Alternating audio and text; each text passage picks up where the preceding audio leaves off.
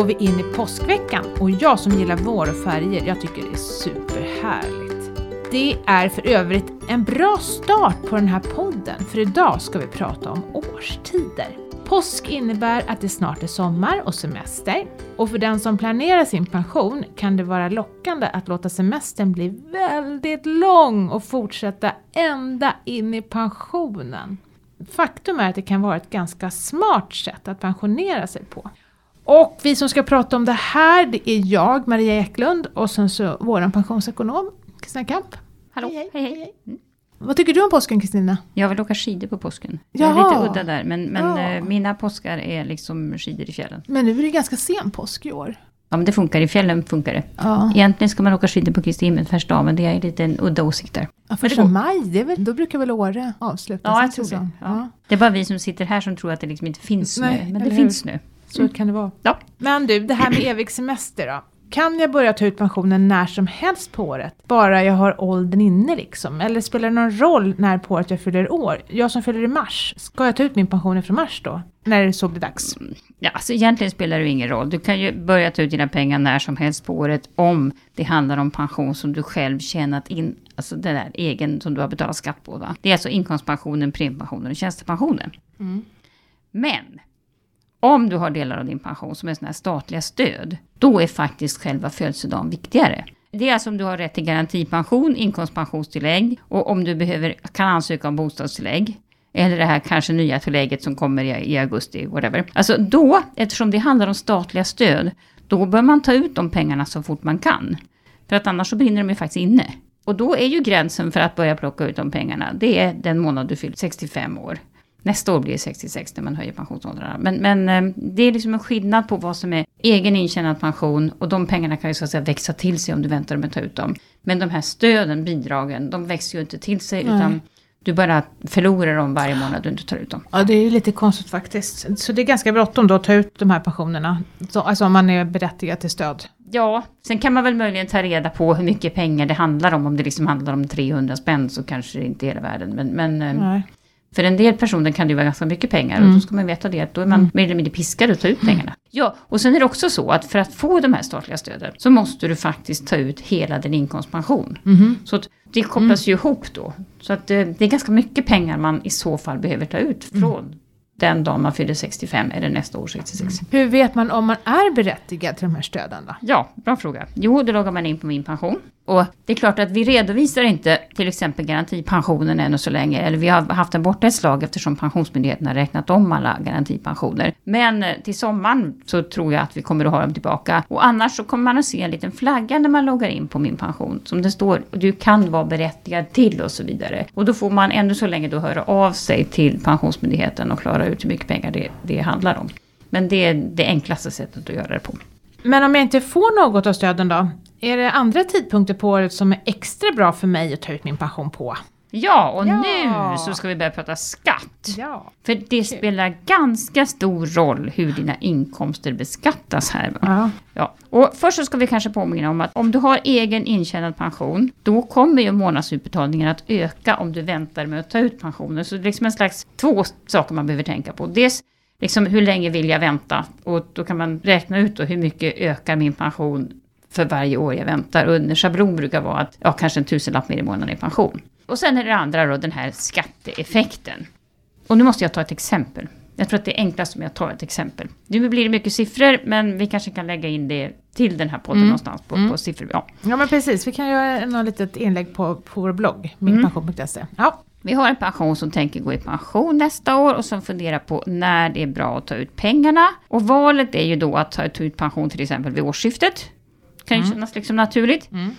Eller vänta till sommaren och gå i pension efter semestern, typ juli, augusti någonstans.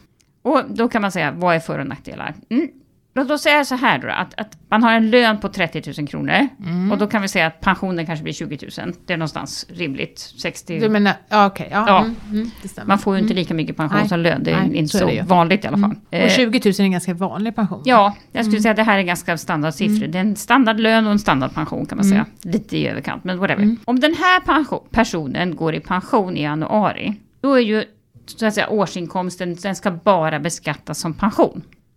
För det här är det, alltså, det. lön beskattas i en kolumn, Mm. pensioner beskattas i faktiskt två Och det är inte många som vet om det va? Nej, Man där är förstår liksom knöligt. Men, men, men så är det. Och, det kan ju, och då är det generellt sett så faktiskt att pension rätt ofta har en högre skatt. Alltså inte samma grundavdrag. Man har ju det här jobbskattavdraget Ja. när man jobbar. Det är det som liksom ställer till För det här. att man ska jobba lite längre. Ja, och den här, i det här vanliga fallet då blir skatten på pensionen då ja, 69 000. Eller 29 procent. Jag tror vi måste tänka procent här. Mm. Mm. En slags genomsnittlig kommunalskatt har, vi, har jag räknat på. Och då får man kvar i plånboken som pensionär på den här pensionen på 20 000. Så Om får man går vid årsskiftet. Ja, Mm. så blir det ungefär 14 000 kronor i månaden. Mhm. Men om han istället då, den här personen, eller hen, eh, arbetar halva året och sen tar ut pensionen. Då kommer nämligen skatten på den totala inkomsten inte upp för 29% utan 22%. Mhm. Ja, det är det här som är tricket. Mm. För att du får ju jobbskatteavdrag för alla de där månaderna du liksom jobbar. Mm. Sen så får du pension på resten, men, men jobbskatteavdraget tar ner Drar den ner. totala skatten Okej. ganska mycket. Sen är ju faktiskt lönen högre än pensionen också, så att kvar i plånboken Mm. för att man jobbar sex månader till, Mm. det är faktiskt 19 000 i månaden, alltså 5 000 kronor mer Mhm. i månaden. I varje månad alltså? Ja. det är ju 60 000 på ett år. Ja.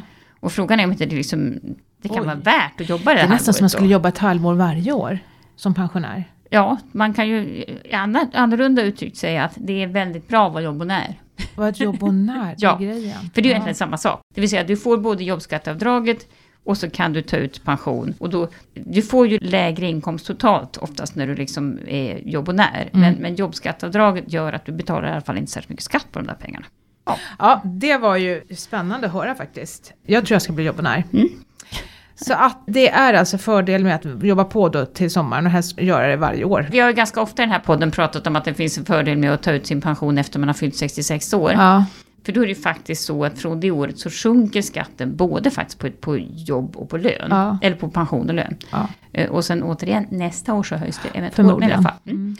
Eh, Och så jag tittar faktiskt på skatteeffekten där också. Och då är ju jobbskatteavdraget ännu högre faktiskt. Mhm. För man får dubbla jobbskatteavdrag när man har passerat en viss ålder då, extra morot. Men skatten på pension är också lägre. Så att skillnaden här mellan, alltså om man då gör den här, man jobbar halva året, då, då blir det ändå faktiskt ännu mera pengar. Skillnaden är 5 700 kronor i månaden. Oj. På Nästa att man år. jobbar. Ja, på att, nej men om du är äldre och du jobbar Aha, det här extra halvåret. Eller jobbonären kommer alltså helt enkelt att jag ha ännu större fördelar om man jobbar efter, efter eh, 66 eller 67.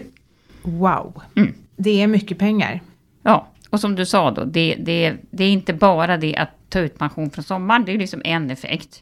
Men om man nu vill upprepa den här effekten varje Då år, blir man jobbonär. då blir man jobbonär och så kommer man överens om att man jobbar ett halvår eller i taget eller ja, halvtid eller vad det är för någonting. Men, men nu ska vi komma ihåg då att, att det här är ju ett exempel i högen. Och det är klart att vill man kolla sina egna siffror, då ska man ett, logga in på min pension och kolla vad man får i pension. Sen ska man faktiskt kolla på Skatteverket vad man kan få för skatt. Vi, inte, vi visar skatt på pension på min pension, men, men vi visar liksom inte skatten på totalen, utan här måste man faktiskt gå in på, på Skatteverkets hemsida. Men de har jättebra snurror. Och man ska bara komma ihåg tre saker. Man måste ange rätt ålder när man är född, det brukar man kunna komma ihåg. Och så är det bra att skriva upp pension för sig och lön för sig. För som sagt, det beskattas olika så att det vill till att man lägger in liksom rätt siffra i rätt kolumn. Men det, det är enklare än vad det låter faktiskt. Lön för sig och pension för sig. Mm, Jag tror vi lägger en länk på bloggen där, det här blogginlägget. Ja. Till Skatteverkets hemsida också, den här snurran. Ja, precis. Vi har ju det i våra artiklar också, men jag tror vi, vi gör så, så är det lätt för dig som lyssnar att hitta det. Ja. Ja, det låter ju som att, att pensionera sig på sommaren, det kan vara bra både för själen och plånboken. Är det något annat som jag bör tänka på då? Du sa i ett tidigare avsnitt att jag måste komma ihåg att säga upp mig också. Det är Ja, ju inte bara liksom att traska iväg från jobbet. nej precis. Och jag Nej. menar om du tänker bli sommarpensionär eller pensionera efter semestern så är det väl hög tid att, att, att prata med arbetsgivaren nu. Det kan ju vara olika villkor beroende på hur länge du har jobbat och var du jobbar någonstans. Så att eh, prata med arbetsgivaren. Det går förmodligen att förhandla till sig olika lösningar också om du verkligen säger att du vill sluta jobba. Men, men det är ju schysst mot arbetsgivaren också. Det kan ju behövas lite planering från deras håll. Mm. Så att det bör man tänka på. Sen ska man naturligtvis ansöka om de här pensionerna också. Mm. Allmän pension ansöker man om hos Pensionsmyndigheten. Tjänstepensionerna, det ansöker om där hos de bolag där du har pengarna och även där kolla på min pension. Och så tänk på att Den allmänna pensionen är jätteflexibel. Man kan i princip ta ut all pension en månad och ingen alls nästa månad. Eh, Och då är det ju jättebra om man ska bli jobb och när. Här kan man verkligen liksom anpassa.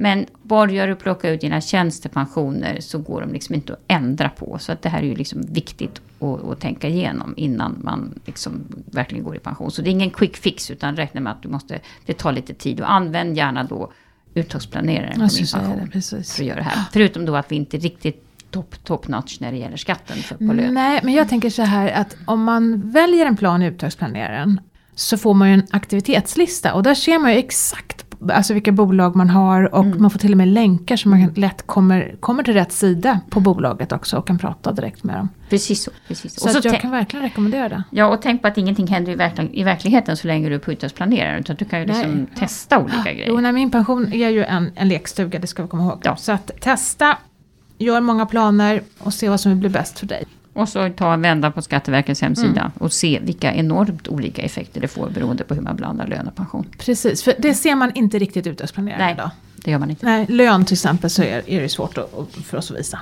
Ja, är vi nöjda så? Det tycker jag. Ja, så då vet vi det. Mm. Pensionera på sommaren och försök att bli jobb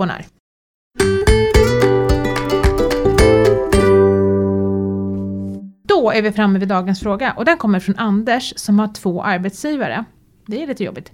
Han tjänar cirka 30 000 hos vardera och funderar nu på hur det skulle bli om han löneväxlade. Är det smart undrar han. Ska han löneväxla lite hos varje eller ska han bara löneväxla hos den ena? Och så undrar han också om det finns något annat smart sparande som han kanske skulle kunna testa istället. Alltså det här med två arbetsgivare, det är faktiskt lite knepigt. Ja, det är ju det. Mm. Eh, För det första, nackdelen med att ha två arbetsgivare och så att säga tjäna under taket, det vill säga det här berömda 7,5 inkomstbasbelopp, som är väl 42-43 000 i månaden någonstans. Det är ju då att om han hade tjänat 60 000 hos en arbetsgivare så hade han fått mycket högre tjänstepensionsinbetalningar på det där som hade varit över 42 000. Men eftersom han nu har två arbetsgivare så kommer alla de där, eller båda de där arbetsgivarna bara att betala så att säga, den tjänstepension som är under taket, vilket är mycket lägre. Mm. Så det är en nackdel. Sen löneväxla. Ja, då kan man säga att då slår man ju ihop den totala inkomsten och då tjänar han ju 60 000, vilket ju är långt över taket i den allmänna pensionen. Och när, man, när det gäller löneväxling så brukar man säga att man ska ha kvar efter löneväxlingen så man klarar det här taket så man inte så att säga, betalar in mindre till sin allmänna pension. För det, det är ju dumt, då har man liksom missat hela poängen. Eh, men det kommer ju han att ha på sin totala inkomst, så, så det är väl inget problem. Men då är ju nästa sak, han måste ju få arbetsgivaren att gå med på det här. Och för det första så är det ju så att alla arbetsgivare har inte löneväxling. Det är ju någonting man kommer överens om på det företaget. Och sen är det också så att en hel del arbetsgivare brukar liksom tänka på det här att ja men vänta nu, om du ska få löneväxla hos oss så måste du ändå ha en inkomst kvar som är över det här taket, alltså typ 47 000. Så han måste nog argu- argumentera för sin sak i så fall hos arbetsgivaren och, och säga det att ja men jag har ju en, en arbetsgivare till. Så att jag kommer att komma över taket. Så att det är en del att, att, att tänka på. Men jag tycker framför allt att man ska inte jobba jättelänge på det här sättet. Att man så att säga har två arbetsgivare och inte får den här fulla inbetalningen till tjänstepensionen. Det, det, det är det som jag tycker är mest bekymmersamt faktiskt. Här. Så tips ett är att försöka att få ett, få ett fullt jobb hos den ena. ja, alltså. jag tycker faktiskt det. Mm. Men du, om han då inte får löneväxla, finns det något annat bra sätt? Är det de här gamla vanliga då, ISK och... Eh, man göra? det tycker jag ju faktiskt egentligen. För att jag menar, eh, nu vet ju inte jag om han har tjänstepension. Ja, det måste han väl rimligen ha eftersom han vill prata om att löneväxla. Eh, Men eh, nej, ja, då är de gamla vanliga sparmetoderna, Mm. ett ISK.